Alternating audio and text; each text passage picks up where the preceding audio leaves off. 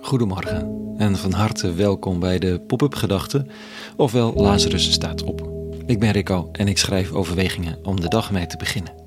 Op de werkdagen tussen 6 en 7 schrijf en deel ik een gedachte die opkomt tijdens het lezen van de klassieke teksten die in de katholieke kerken vandaag gelezen zullen worden. En het begint altijd met een titel. Vandaag. Tijd voor troost. Pop-up gedachte dinsdag 22 februari 2022.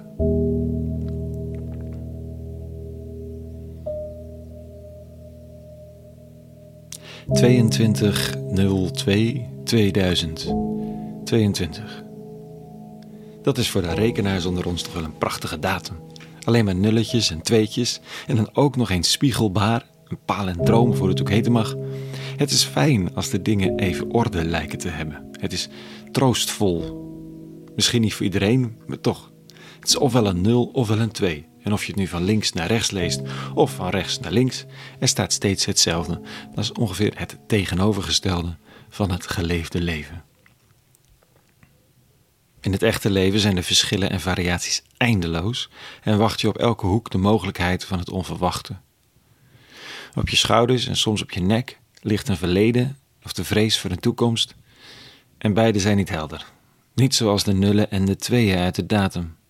Ze duwen op je onderbewuste, je rent voor ze weg in je hardloopkleren en komt dan tevreden thuis, blij even verlost te zijn van de zorgen om ze vervolgens weer net zo hard op je bordje te krijgen door een opmerking van iemand of omdat je de mail toch nog even opende en daar ging je hoofd weer in de paniekstand. Kijk, het dreigt oorlog. Uh, en ons land gaat weer open en dat is super, maar het vertrouwen is nog niet zo eenvoudig. En wat gebeurt er precies met de energieprijzen deze dagen? Het is fijn als een datum orde en rust bij zich lijkt te dragen, maar het is ook confronterend, want het echte leven heeft die orde en rust maar zelden. Niet alleen hier, in je eigen omgeving, in je stad en dorp, in ons land, maar ook wereldwijd. Hoe dan in die chaos rust of troost te vinden? Sommigen moeten gewoon staren naar de nulletjes en de tweetjes in de datum en dan geloven dat het toch allemaal goed komt. Anderen helpt misschien de lezing van de dag.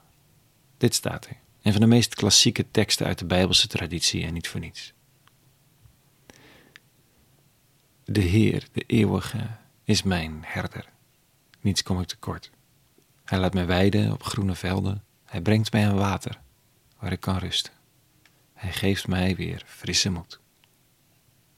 Mijn schreden leidt hij langs rechte paden, omwille van zijn naam. Al voert mijn weg de donkere kloven, ik vrees geen onheil, waar gij mij leidt, uw stok en uw herderstaf geven mij moed en vertrouwen.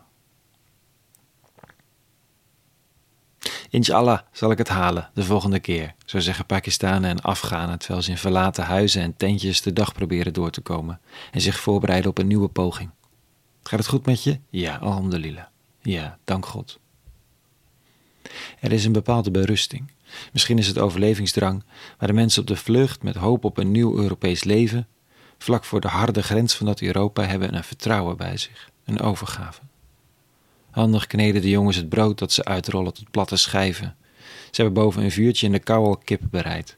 De krachtige geur van kruiden uit verre landen doet iedereen watertanden. Ik weet nog niet dat ze al gegeten hebben en dat ze deze tweede ronde doen omdat ze mij hebben uitgenodigd. Ja, dan moet er gegeten worden, natuurlijk. In de chaos van het leven zomaar iets van het vertrouwen houden dat er frisse moed te vinden is, dat er rechte paden zijn, zo niet hier dan wel even verderop.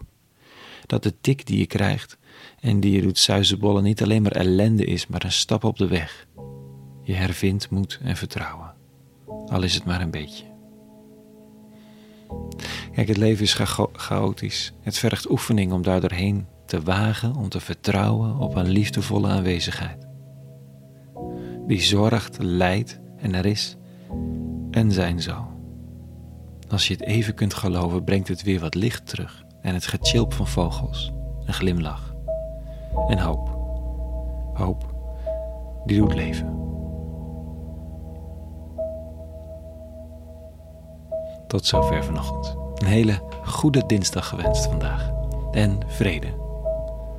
En alle goeds.